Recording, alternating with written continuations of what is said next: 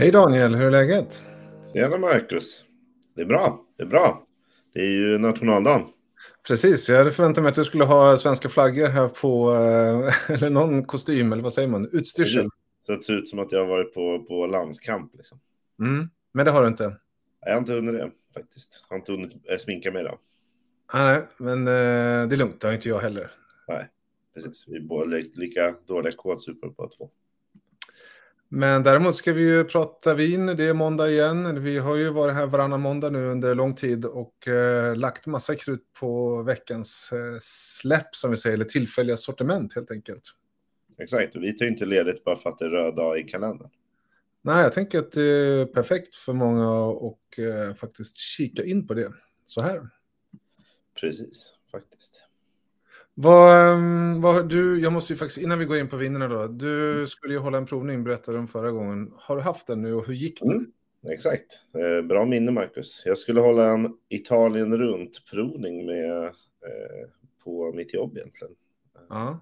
Vi skulle ha en italiensk afton och då skulle, blev jag eh, såklart ansvarig för vinet och skulle hålla en Italien runt-provning. Så det vart fem olika viner från fem olika distrikt i Italien. Ja. Röda då allihopa i det här fallet. Och vilka blev det då, kommer du ihåg? Eller vilken gick, gick bäst, eller vad säger man? Precis.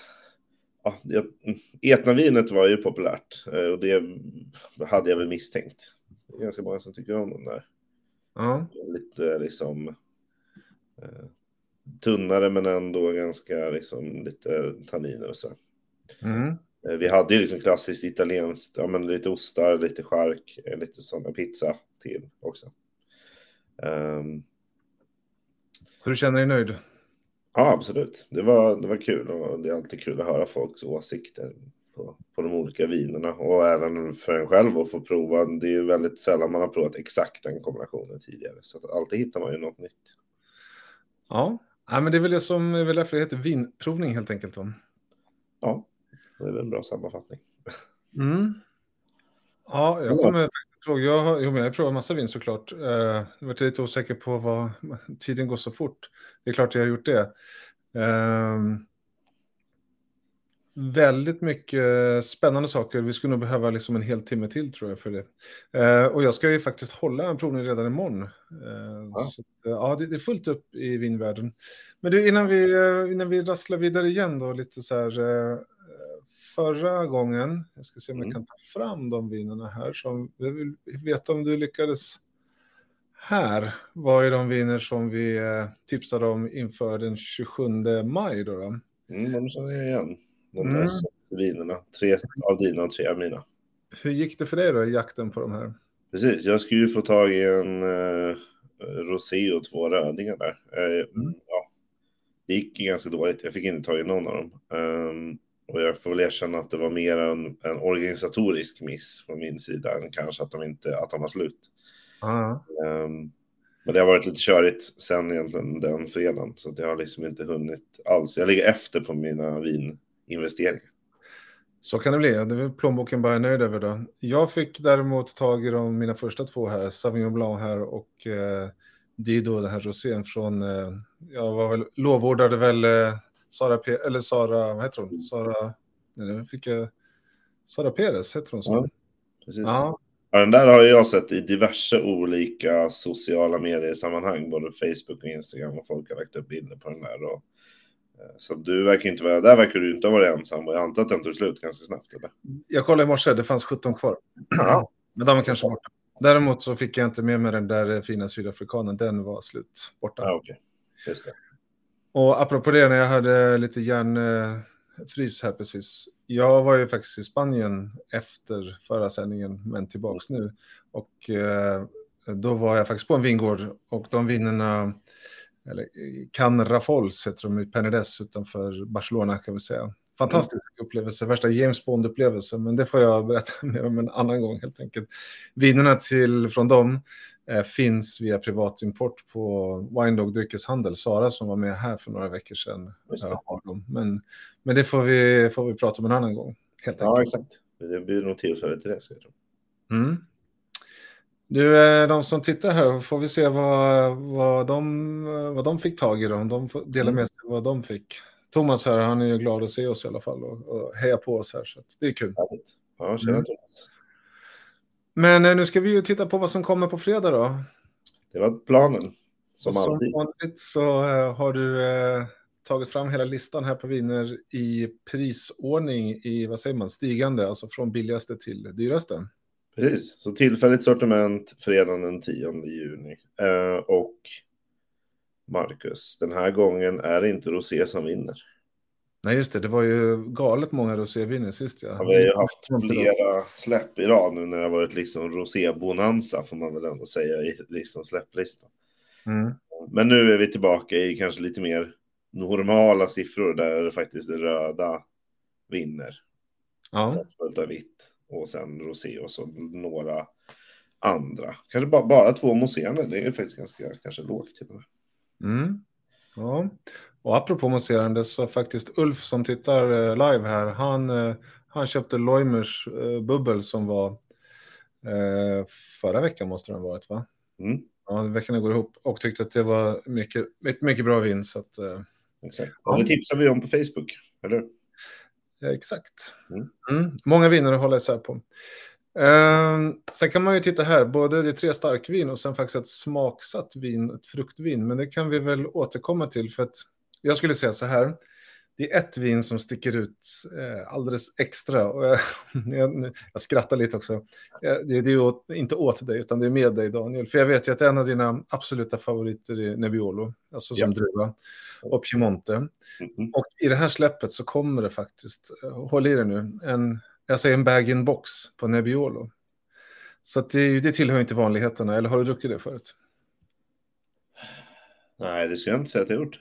Nej, det har faktiskt inte jag heller. Däremot så har jag bjudit in Pernilla Nilheim från Vinolio som är importören av det här vinet i Sverige. Så jag tänkte vi plockar in henne live här så får hon berätta om det här vinet istället. Ja, Vad tycker du om det? Det är alltid trevligt med lite expertis.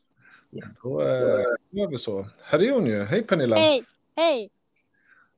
Och du är verkligen live, live, live. Du är utomhus. Var är du någonstans? Jag sitter i Årstaviken. Wow. Jag har en, vinprodu en vinproducent som sitter här borta och väntar på mig, så att jag gick ifrån en stund. Mm -hmm. mm. Jag vet inte om du hörde vad jag sa, att eh, Daniel är våldsamt förtjust i Nebbiolo, precis som många andra, och just bag-in-box. Och Nebbiolo brukar liksom inte vara eh, vad säger man, de hör inte ihop så ofta, men nu gör de det den här gången. Berätta.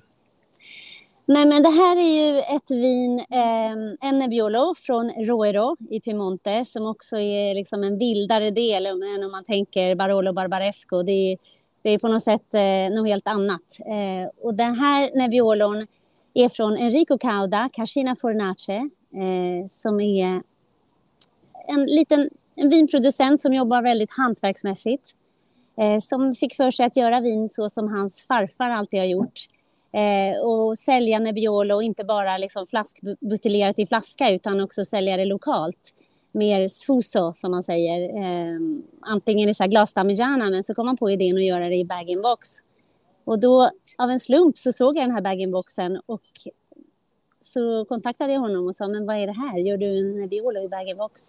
Så fick jag prova den och jag har ju varit i hans vingård och eh, känner honom väl. Så jag blev överväldigad av hur härligt det var. Så det var ju inget snack. Det var ju bara att presentera för Systembolaget. Ja. Och här är den. Och här är den nu, äntligen, ett år senare. Mm. För de som tittar i bild här då, den kostar 269 kronor. Mm. Och det är då, nu ska vi se, det är en och en halv liter va? Precis, en och en halv liter, så det är som två flaskor vin. Och det är ju verkligen så här, ja, det är ju handplockade druvor, det är ju inga kemikalier, det är verkligen så här vin gjort med kärlek, det är verkligen ett vin på riktigt. Eh, mm. Så det känns också så himla härligt att få presentera ett sånt vin i en bag-in-box. Eh, jag tycker lite grann vi ska reclaima den här bag-in-boxen från industrin. Det var ju en fin eh, box också. Alltså det var inte de här liksom, gälla färgerna och, och det som man kanske ser om man går på bag-in-box-hyllan på systemet. Nej, nej, det är hans syster som har liksom, tecknat de här blommorna. Så den, det känns också som att det finns någon ja, det finns en mening med, med, den, med själva etiketten också. Den är fin, den är somrig. Den, den, speglar också vinet ganska bra för att det är en, en lätt stil av Nebbiolo. Det är, finns ju inga fat inblandade här utan det är ju ståltank. Alltså sen, ja, slutet, slutet av september till i stort sett nu, några veckor sedan. Ja, just det. Mm. Mm. Häftigt. Jag är ju lite nyfiken, kanske en, en fräck fråga, men jag vågar mig ut ändå. Eh, I det här området och göra Nebbiolo så kan man ju göra eh, på väldigt många olika sätt. Men, men det här känns ju ganska billigt, får man säga så, för att vara Nebbiolo härifrån. Hur, eh, eller har jag helt fel, eller hur, hur tänker man här? Nej, du menar, du menar att han... Att, ja, nej, men det, det är precis så att han gör det ju precis här som, han, som liksom tanken att han vill att Nebbiolon ska nå ut till alla. Det är liksom, han har ju alltid odlat det i generationer, alltså sen farfar. Och de, det är inte bara Nebbiolo, det är 5% Barbera. Mm. Så det är inte 100 Nebbiolo.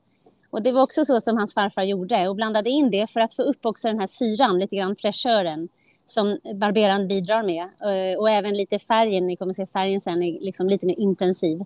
Mm. Eh, det bidrar ju också barberan med. Så det är lite så här som bordsvin, lokalt vin som man gjorde förr. Han, han menar på Nebbiolo är ju från det här området. Det ska inte behöva kosta mer egentligen. Alltså, de har ju alltid haft de här druvorna i ägo. Så, ja. Det är väl jättekul och jag tror inte bara Daniel utan fler jublar över det. Och det jag menade var ju att när vi kollar på det här släppet och andra släpp och sortiment så är det inte ovanligt att man betalar 2, 3, 4, 500 kronor för en, en, en flaska. Så det var mer så jag tänkte. Nej, det här är ja, jo men också nu är det ju förpackat i en bag-in-box så att man får ju också anpassa priset efter, efter det också såklart. Eh, mm. och det är ju så himla härligt för att det ska kunna nå ut mm. liksom, till, till alla på något sätt. Det är det som är tanken. Mm.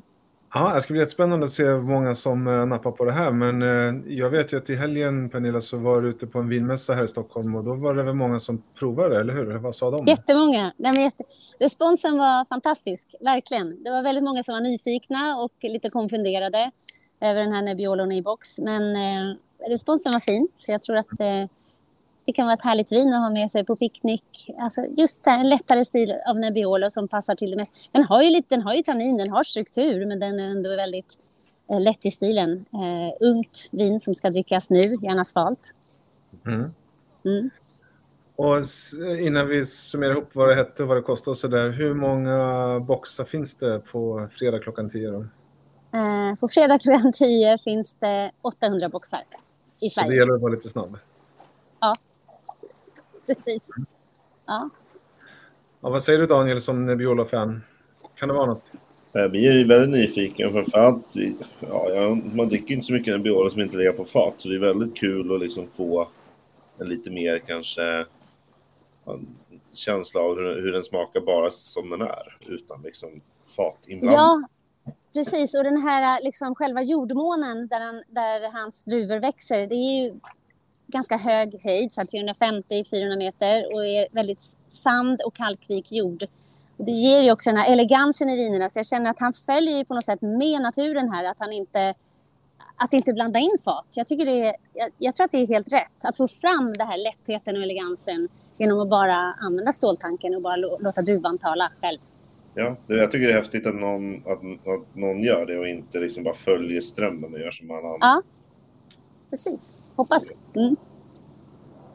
Spännande. Ska vi summera namn och pris här då? Eh, ni som är så bra på italienska får gärna ta lid här. Det var ingen som kände att de var bra. Nej. Jag kan...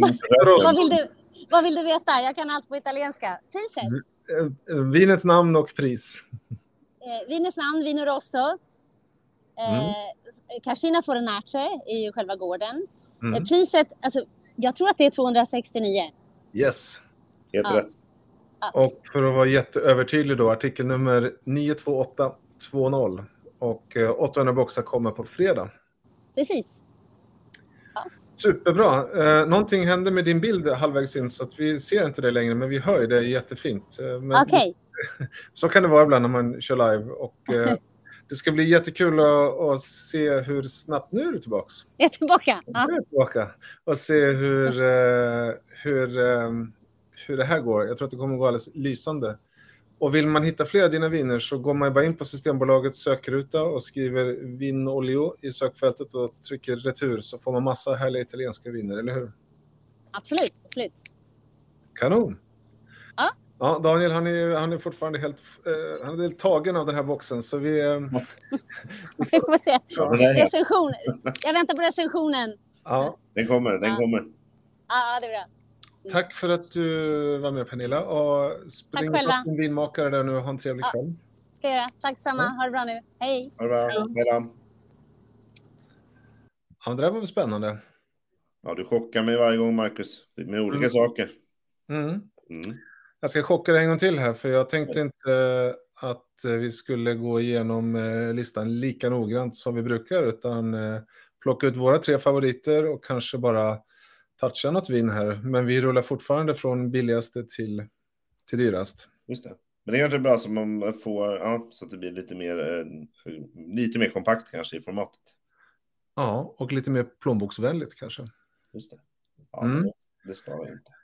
Men vi scrollar väl på här så får väl du säga pling eller pang eller ja när jag hittar någonting. Och jag tänkte ju nästan plinga på, på andra raden här för att det kommer faktiskt en manzanilla, alltså en sherry för 129 kronor. Visserligen Ja. en flaska, men jag är ju sherryfrälst. Anledningen till att jag inte tog med den idag det är för att jag är den enda i min bekantskapskrets och familj och i grannskap som verkar gilla det. Så det kändes så, ja, vi inte öppna där och dricka själv och så där. Så, så jag hoppar faktiskt över den. Men för den som inte har provat så är det där ett bra köp för 129 kronor.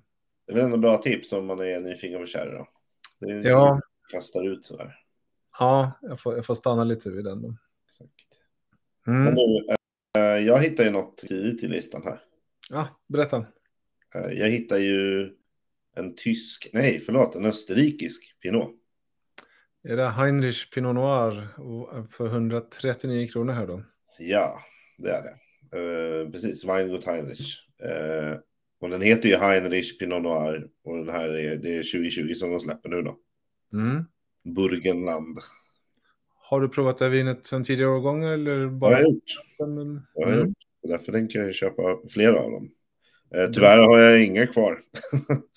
Men det kanske säger mer eh, om, att, om att det var ett trevligt vin. Då. Precis, det är väl ett eh, riktigt bra betyg att du inte har dem kvar. Så då köper du fler än en den här gången då? Ja, två av den där minst ska man väl ha. Jag tänker att eh, jag brukar ju alltid, jag, du har ju redan tjatat om att jag tjatar om Nebbiolo här, men det känns som att på andra plats bland mitt vintjat så är det ju tyska röda viner. Och nu är vi där igen. Men Ja. ja, jag kommer fortsätta tjata om det för att jag tycker att det är... Eh, Men det jag är med Österrike, men Österrike och Tyskland, den regionen egentligen, alltså rent prismässigt får man ju så jäkla mycket vin för pengarna. Alltså. Ja, och vad får man här då? Vad vågar du drömma dig tillbaka till tidigare årgångar i alla fall? Oj. Nej, men det är ju... Tycker man om Pinot så kommer man ju tycka om den här. Det är jag ju, ju säker på. Eh, I det här fallet så är det ju lite, lite fatat uh, Pinot då, så det beror lite på vad man, vad man är van vid. Men, Mm. ehm, ja, nej, men annars är det ju de, de, de vanliga liksom med lite hallon och lingon och sådär. Mm. Ja, lite, lite såklart eh, inte jättekraftigt vin. Så det får man inte sig. Men det är så det ska vara med Pinot. Och jag skulle väl säga precis som du sa, för 139 kronor att få eh, en Pinot Noir, det är inte, det är inte så dyrt. Eh, det är priserna på Pinot, eh, inte bara härifrån, men, men från eh, USA eller eh, Bourgogne så där, klättrar ju iväg. Så att, eh, Ja, de ja. är i princip orimliga. Så att Mm. då får man ju titta någon annanstans. Och då tycker jag att det är bra att titta i Österrike och Tyskland. Och gillar man Heinrich så kan man väl hitta 5, 6, 7, 8, 10 viner till eh, fram och tillbaka under året. Ja, men eh, bra, bra taget. Det är säkert någon mer som, som kommer att lägga vantarna på den tror jag. Ja, de gör ju mycket annat i, framförallt med sina lokala druvsorter också. Mm. Mm. Så det är mitt första tips för kvällen då. Ja, så lite Lambrusco igen. Det är också lite säsong, kanske inte lika kraftigt som rosén. Eh, Luigi Pira kommer med en Dolcetto. Det är inte så mycket Dolcetto i Sverige, eller hur? Nej, det är för lite dolcetto i Sverige. Mm. Så där kommer ett eh, botemedel för 147 för den som gillar det. Och Det den är rekommenderar jag. Men eh, jag har inte plats för den i mina tre. Så därför så får, Mm. måste jag tyvärr spara den platsen. Men är, den där kan slinka ner i korgen ändå om, om Mm. man har otur. Ja, jag, jag förstår hur du tänker. Om den finns kvar veckan efter så tar den. Jag tror det kommer en förklaring senare. Ja. Jag tänkte nog att jag skulle behöva stanna till här då, för här ja. finns det lite... Först bara på den här... Äh, min italienska är ju, är ju felfri. Mastro Berardino heter producenten och den här vinet som heter Rosé här, Lacrimarosa. Mm. För den här producenten gör ju superkralliga rödviner annars och kommer nu med ett uh, rosévin. Det tycker jag är lite, lite kul. Sådär. Så den, jag ska inte köpa den, men uh, jag tror att det där kan vara lite, lite spännande faktiskt. Ja. För det är Aglianico som de alltid gör från kampanjen. Så, mm.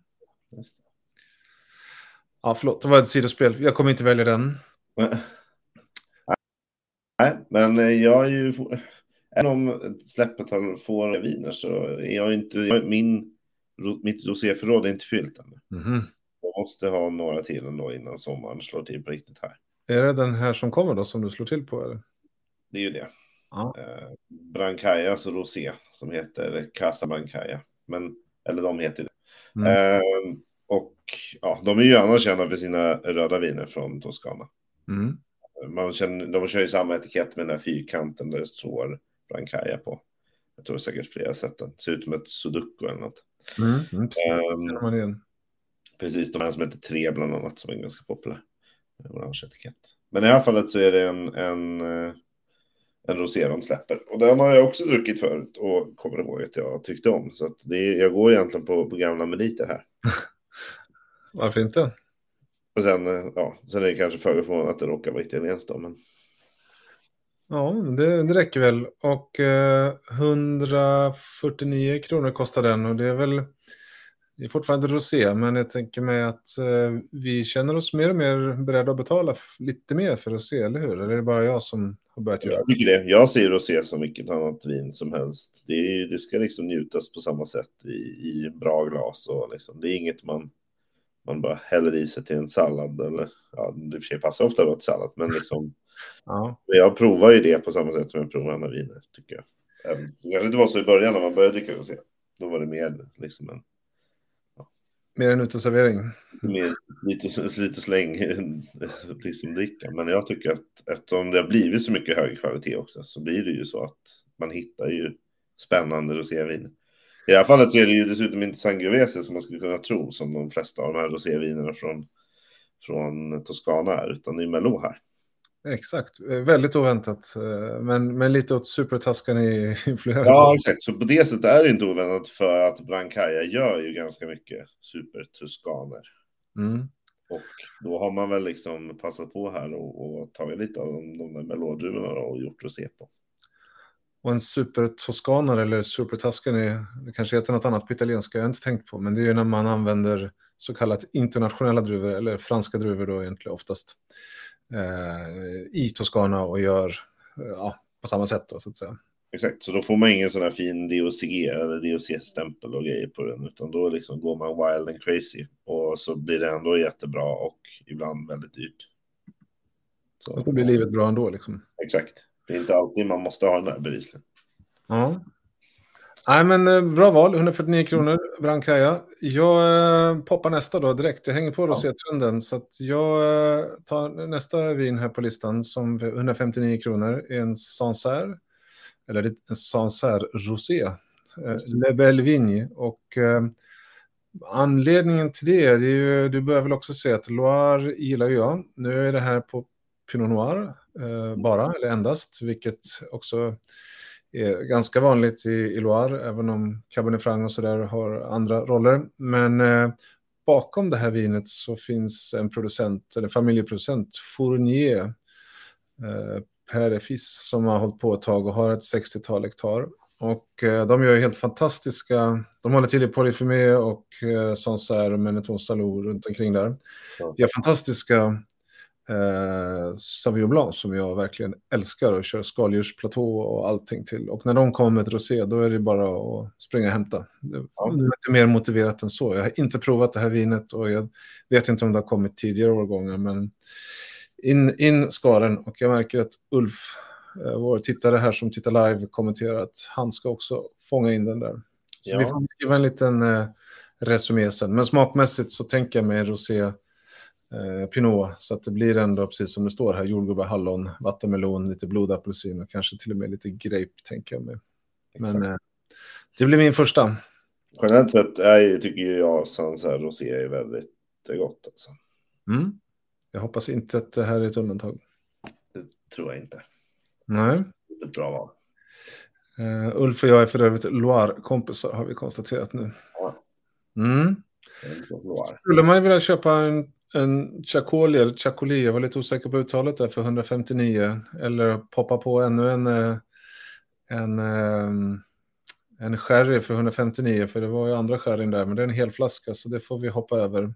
Ja.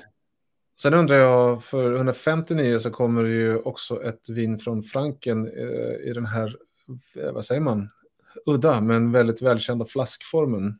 Det är väl en typisk Frankenflaska, är det inte det? Det stämmer bra det. Jag vet du vad den heter, den där sortens flaska också? Det är extra poäng. Nej, det gör den faktiskt inte. Boxbeutel. Min tyska är inte så bra heller, men... Eh, så igen. Nej, jag vill inte säga igen. jo, då. Boxbeutel. Okej. Okay. Jag kanske kan stava det. Men det är typiskt Franken och den, den, har, eh, den är grön på grund av uh, jordmån och så vidare. Men ja, jag tänker att den här gjorde, gjorde sig känd i Sverige med något vin som heter Matteus som fanns förr i alla fall. Jag vet inte om det finns kvar.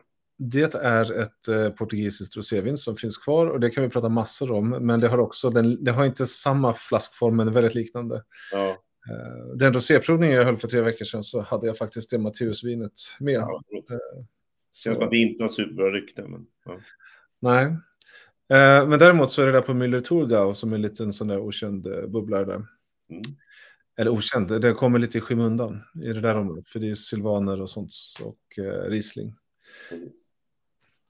Jag tänkte att jag skulle plocka in nästa vin på min inköpslista. Men jag måste ju ändå, eh, Patrik här som tittar live, han eh, han har fortfarande inte släppt den här boxen som Pernilla Oj. pratade med. Jag vet inte, det, vi får återkomma till den, men, eh, eller den kommer ju snart här igen. Men, ja. ja. Mitt nästa vin som jag har valt att uh, investera i på fredag för 159 kronor, det är då från Grekland. Och det är inte ofta jag är där och handlar vin.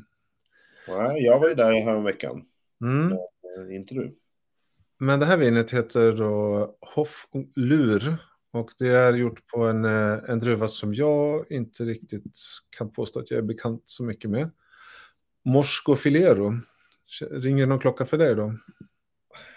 Nej, jag kan inte säga att jag har druckit jättemycket Mosco Filero. Nej, jag fick eh, läsa på lite. För annars är det ju Assyrtiko och sånt där som är liksom Grekland och man är lite okunnig som, som jag eller vi är.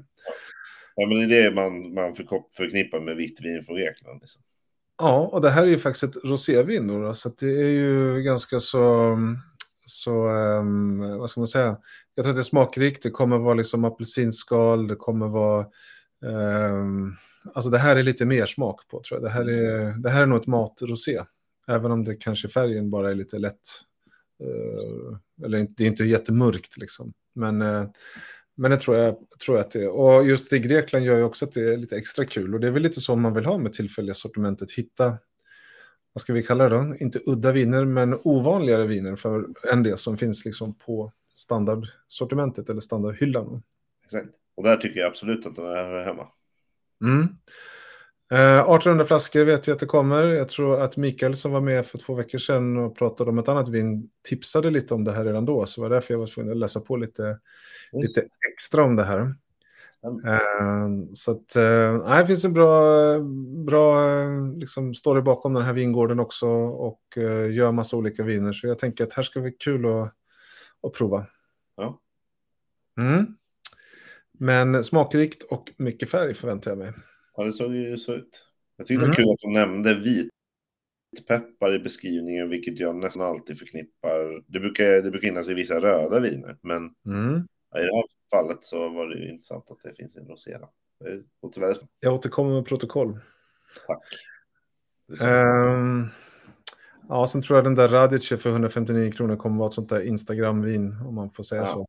Jag förstår. Uh, den är från Italien och den är ja, med kronkapsyl. Det är en Lambrusco-variant och sådär. Men det, ja. Lite som noshörningar var för, i förra fredagen. Säkert. Ehm, jag, jag ju droppa bara snabbt att det ändå kom ett det, det som då heter torrt fruktvin. Du nämnde att det var ett sånt med i släppet. Du har den där? Det är ju svenskt, exakt. Mm. Och den här köpte jag för några år sedan som ett roséalternativ för att chocka mina föräldrar. Jag tror vi drack den på midsommar. Och det vinet som du pratar om då, det heter Bergskär och ett ja. vitt vin. För mig bär det emot att säga vin och inte ja. för att jag är någon paragrafryttare, men det är faktiskt gjort på lingon. Exakt. Inte vin. Nej, och då får du inte äta vin där. Nej, ja. De kallar det för det ändå. Då. Uh, men det är väl namnet, ja, de tycker att det är namnet. Som och de, Systembolaget kallar det för torrt fruktvin. Då. Och jag, jag tyckte det var kul att prova. Uh, jag skulle inte säga att det är en direkt ersättare till rosévin, för man får inte riktigt kanske samma um, jag vet inte, det är ju en annan typ av syra liksom. Och ni vet ju, ni vet ju lingon är. Nu ska mm. vi inte fastna på den, förlåt. Men, nej, ja. nej, men det, det, är någon som tittar här live som också frågar vad vi tror om den. Men jag har ju en fråga här då. Dina föräldrar, eller du kanske inte är blind, du kanske inte sa, här får ni glas rosé. Jo, jag gjorde det faktiskt. Eller jag sa inte, jag sa inte bara inte vad det var. Jag bara hällde upp det och visade aldrig flaskan. Och fick du någon reaktion som du kan dela? Eller? De trodde att det var ett rosé fortfarande. Ja. Mm. Men kanske ett annorlunda sådant. De började gissa på att det kanske inte var från Frankrike. Och så mm. Eh, men de hade aldrig kunnat gissa på att det var lingonvin från Sverige. Det, det, det, men det tror jag få hade gjort. Nej, det hade vi nog inte gjort. Men, eh, men det är klart att det är kul att det kommer lite svenskt eh, från Västerbotten som är, jag kollar, 85 procent lingon och 15 procent äppelmust. Ja. Häftigt. Ja. Vinet bredvid där är också väldigt häftigt. Uh, det chilenska, Tayun 1865. Jag tror att det är det vin som odlas längst söderut i hela världen och är alltså typ 60-70 mil söder om Santiago, Chiles huvudstad. Och har en eh, historia med eh, ursprungsbefolkningen och att man odlar Pinot Noir där. Och, om du läser lite om det där så kommer du behöva flytta om i dina, dina val tror jag. Ja, det, nu är det jobb igen, Marcus. Mm. Och nästa vin för 199 är ett vitt vin från Frankrike ja. som heter Chigny Bergeron Le Terrasses. Och det är från mm. Savoyen, heter sig på svenska, va? Savoie. Så ja. där är det också en så ovanlig druva och ja, häftig grej. Så köpa? Nej. Uh, nej. Men det skulle kunna gå. Mm. Uh, det är rätt så kul. Vi sa innan det här så ja, det här släppet innehåller inte så himla mycket kul. Och sen när man gräver ner sig så är det massa roligt. Det blir så varje gång. Alltså. Mm. Eh, Chinongabar är jättebra. Eh, ja. Vi rullar vidare lite snabbt här, tänker jag. Så att vi du ska håller vad vi lovade och vara lite mer kompakta i vårt format. Precis. Eh, men det, det, är också för att jag, jag har ju en, en, en egoistisk anledning att komma vidare. För jag vill ju komma ner till, till mitt nästa vin här i listan. Och då är det den där Luigis. Ja, då är det Luigi Pira. Som jag tror att vi har pratat om tidigare i något släpp. Eh, mm. Det är ju en, får man ändå säga, en känd producent i, i eh, Lange och, och i, i Piemonte och, och även då i, i Barolo-området. Ja. Eh, du, du droppade ju hans Dolcetto tidigare, som jag sa att jag gärna skulle köpa. Men om jag måste välja mellan Dolcetton och, och Langane Björn så blir det Langane Björn. Ja, de kommer inte i tvåpack, inte i Sverige i alla fall. Nej, Nej. men ja, man får väl köpa två varje då, om det är så. Mm. Ja. Men där var jag faktiskt då och hälsade på för, för ja, vad blir det då? Mm, snart ett år sedan. I september förra året var jag hälsade på och provade viner. Det är mm. enormt vacker utsikt. Eh, rekommenderar starkt att besöka om man är i, i Piemonte. Mm. Eh, superfint. Ja, vad härligt. Då blir ju oftast vinerna extra, vad säger man, extra roliga om man får säga så, när man har varit där eller träffat dem som, eh, som liksom ligger bakom vinet på något sätt.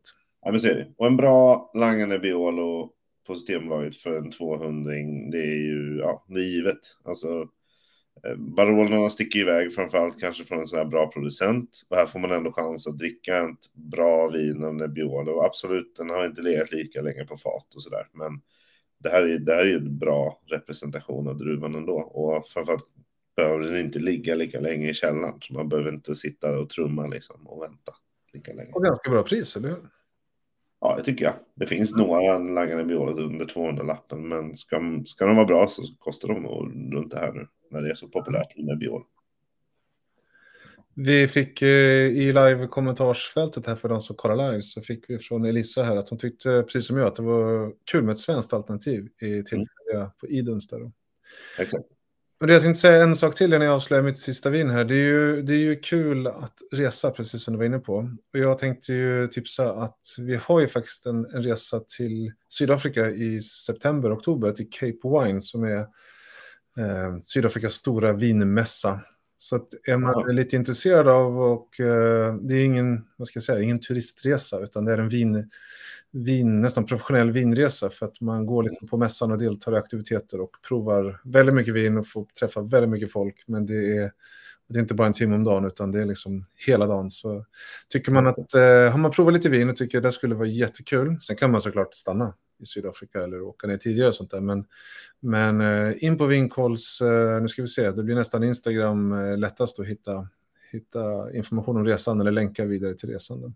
Så det är väl bra vintips, res, vinresetips. Sådär.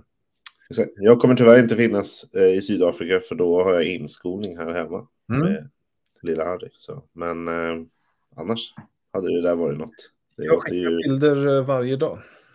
Ja, det var det jag var rädd för. Säkert på massa jättegoda vita viner från Sydafrika. Som och, jag gör. och söta och bubbliga. Kappklassiker en masse. Ja. Ja, då vet jag att jag ska stänga av internet i någon vecka där. Ja, nu är nu, då är då. Mm. Nu är vi uppe över 200 kronor i släppet här och det kommer eh, ganska mycket italienskt och franskt som säger som, som vanligt utan att vara negativ för den delen. Um, så vi scrollar lite här. Ja, det är lite kul. Gemistersatz. Vi har något som heter nej, nere, Weiniger Gemistersatz eh, för 249 kronor från Österrike. Och just mm. Gemistersatz, det är, det är ju tyska för, eller Feelblend, alltså när man har fem, sex, eller man måste nog bara ha mer än tre druvor som har liksom växt mm. tillsammans eller omlotter, man säga. Och sen eh, så skördar man dem och vinifierar dem utan att liksom separera dem. Det är stort sett omöjligt. Det är lite kul. Ja, det är bra att veta. Det är en bra vinterm om inte annat att veta om det. Mm. Och det brukar, tycker jag, det blir ganska gott. Det finns flera stycken i, eh, på, på Systembolaget som har det. Ja.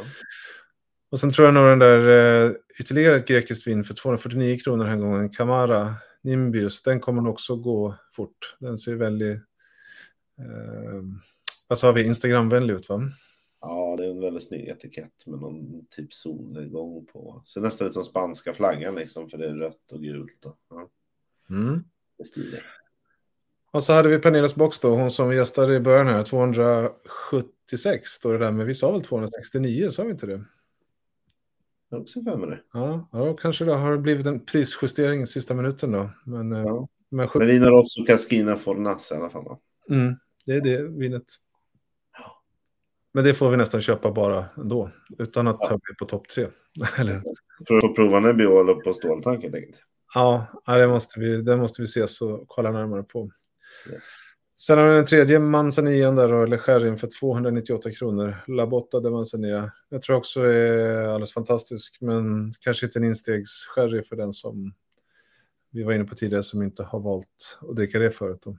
Men eh, varför inte? Jag håller flaggan högt och avslutar mitt tredje val också på svenskt. Då, då för jag kommer att välja Skeppars, Skepparps Grand Prix Solaris 2020 för 299 kronor som alltså är ett, eh, jag skulle säga ett, ett klassiskt bubbel, bara det att det är från Sverige. Så det är alltså gjort på den traditionella metoden, andra jäsning på flaskan och det är Solaris som är druvan. Eh, jag har nog sagt det förut, men jag tror att de fyra eller fem senaste nyårsaftnarna så har vi alltid börjat med en flaska Skepparps Grand Prix. Just det, då är du ute i god tid och köper din nyårsbubbel med andra ord. Ja, i alla fall den första. Så att, eh, det är liksom inga tveksamheter. Jättefriskt, aromatiskt, härligt. Jag har varit på Skepparps eh, flera gånger. Jättehärligt. Och de har en vinfestival där i sommar, precis som vanligt. Mm. Men inte bara man kan prova alla deras viner, utan 6, 7, 8, 10 eh, svenska producenter till. Så kolla in Skepparps hemsida och köp. Och om man inte provat det här då, vad liknar det mest i de här vanliga bubbel? Åt vilket håll är det? Är det åt champagne, cava, prosecco? Åt liksom... Ja, det, är, nog- det, det är ett champagne. Det har oftast inte den här brödigheten och liksom, eh, texturen på samma sätt. Men syran eh, är nästan där. Så att, eh, mer, inte prosecco, utan Ja. mer engelskt och champagne och kanske Och torrare bubbel då? mm, torrare. Eh, Ja, väldigt gott. Kul. Det är, ja, återigen där, den där hela chocken att, att hälla upp något svenskt i glaset. Det är fortfarande, folk blir fortfarande chockade av det och vissa utbrister ju vart finns det svenskt vin? Nu är det slut på det. Exakt. Nej, inte på svenskt vin, utan på... Nej, tvärtom. ja. Snart kommer inga bli chockade längre. Kan man inte liksom. Mm. Ja, men då har vi ju eh, gjort av med våra val då. Ja, jag får väl bara göra en shoutout till att Pira då släpper i sin Barolo också. Så det är liksom tre gånger Pira i det här släppet. Och den Ja. här kommer garanterat många lägga vantarna på för det här är en allmänt känd och bra eh, Barolo från 2017 i alla fall. Då. 324 kronor Barolo di Saralunga från Luigi Pira. Mm. Ja, du, du valde andra saker helt enkelt. Kan inte få allt. Ah, det var nog precis prismässigt eh, i, i mitt fall. Mm. Jag provade ju den där faktiskt på plats där. Mm. Ehm, Det finns mycket att välja på. Här nu är vi ju uppe på 300-400 kronor här så mm. finns det ju massa trevliga viner. Ja, Men du känner att eh, priserna, är, eller listan är plockad helt enkelt. Ja, så är det. Det är alltid kul att se vad som är dyrast också. En Chateau de Faisal, ett vitt vin från 2020. Eh, Det där är ju en, eh, Bourgogne eller? eh, nej, Bordeaux, eh, Ja. Semillon, Sauvignon Blanc och ligger, eh, ja, typisk sån. Ja, Eh, Mycket bra för den som har tid och pengar över till den. just det. Ja, men då så, då har vi väl hunnit igenom och dela vad vi, eh, vad vi eh, fastnar för då. Ja. Måste vi ge oss ut på och eh, här har vi dem. Det blir väl en kul blandning. Du har inget rött den här gången. Nej, det vart ju två rosé. Sansa rosén och den här grekiska med lite spännande druvan och så skepparps. Men jag hade ju många kandidater. Exakt. Och jag kör ju med två röda istället då. Den Mm. eh, tyska, nej österrikiska Heinrich Pinot Noir, Brancaia Rosé från Italien och jättegod Lange Nebbiolo från Pira, Italien. Mm. Ja, men bra, bra komponerat tycker jag nog ändå. Lite själv. Ja, det där kommer bli super. Den den där går att dricka till, till många olika tillfällen. Mm. Yes. Ja, men då så ska jag... jag... Marcus, jag glömde, du frågade om jag hade fått några vinupplevelser i början av programmet. Mm. Jag glömde nämna att jag ändå har fått förmodligen mitt livs största vinupplevelse. Och det kom du inte ihåg för en halvtimme Nej, det, glömde jag. jag var fortfarande i chock. Mm. Ja, berätta. Ja. Jag fick ju nämligen vara med och prova en eh, Mouton Rothschild 1982 i lördags. Vilken eh, känsla? Frågetecken. Ja, men det var det ju. Eh, till, och jag kan konstatera att jag måste öva mer på att använda bladöppnare. det Mm. är inte så lätt när korken är så där gammal och man ska Nej. vara försiktig och sådär. Jag antar att du typ youtubade fram hur man skulle göra. För den var ju, på bladöppnaren så är den ena lite längre än den andra. Hur man Exakt, ja, ska... men det gjorde jag. Men det var ändå ganska svårt. Mm. Men det är superkul eh, att prova. Och jag såklart frågar ju i sociala medier vad, vad jag ska göra med den. För det är, inte, det är inget vin man dricker varje dag och har stenkoll på. Och jag fick jättemånga bra tips och alla tipsen stämde i princip. Så att, eh, Facebook och Instagram har bra koll på de här grejerna. Det är kul. Apropå koll och vinkoll då. Lite, Mm. lite Göteborgsmässigt. Då. Jag kan avslöja att samtidigt så skickade jag bilder till dig på... Eh, jag köpte vin på burk. Mm. Så behöver du ingen bladöppnare. två, tre olika bara för liksom... Jaha, vad är det här? Eh, Mm. Men det var nog inte samma upplevelse. Men det var ingen fel på den upplevelsen heller. Nej, det, det händer mycket där. Mm. Aha, vi lägger ut eh, våra viner eh, på vår Instagram och Facebook. Och Mm. eh, det är framförallt appen Vinkoll som man ska ha nedladdad och ha koll på. Och även under sommaren, det är förvånansvärt mycket provningar och happenings som Skepparps vinfestival där. Eh, men mycket andra grejer i sommar. Så att eh, man ska inte tro att det bara tar stopp nu för att det blir sommar. Snarare tvärtom, det är på sommaren folk dricker vin. Precis. Ja, men det, är- så, så är det. Det är, det, är full, det är fullastat med provningar i appen. Och och även ett gäng bra vintips, måste jag ju säga. Där ska vi faktiskt bli lite bättre och få ut lite flera tips. Men det, det ligger lite tips där på rött och vitt och, och på burk också. Mm. Ingen Motor Rothschild 82, men det är kanske lite svårt att tipsa om. Exakt, jag kan tipsa om det, men det är, folk kommer bli arga för de har nog svårt att få tag i den. Mm. Mm. Sydafrikaresan hittar man också på Instagram-sidan eller Facebook-sidan.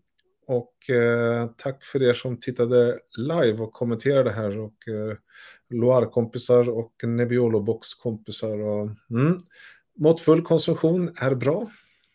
Korrekt. Eller hur? Mycket ansvarsfullt, Marcus. Ja. Nej, men det ska ju vara mat och, mat och vin i kombination på ett bra sätt, inte tvärtom. Så är det. Du, eh, något sista tillägg eller är vi färdiga? Nej, jag tycker vi, jag känner mig färdig. Jag vet vad jag ska köpa. Bra. Och man har ända fram till fredag på sig att ändra och kolla på det. Och lyssna igen på Spotify eller YouTube om, om en timme eller två så ligger det där. Yes. Bra. Um, jag sticker till Spanien igen. Så att vi får se. När det är helt rätt i. Jag säger ja. adios. Ja, adios. Eller om en vecka i alla fall. Ja, precis. Ja, jag är inte avundsjuk. Tack Annika, Ulf och alla som kommenterar. Uh, tack Pernilla som gästade och tack till dig Daniel så hörs vi snart igen. Tack själv Marcus. Ha det bra. Hej. Hej hej.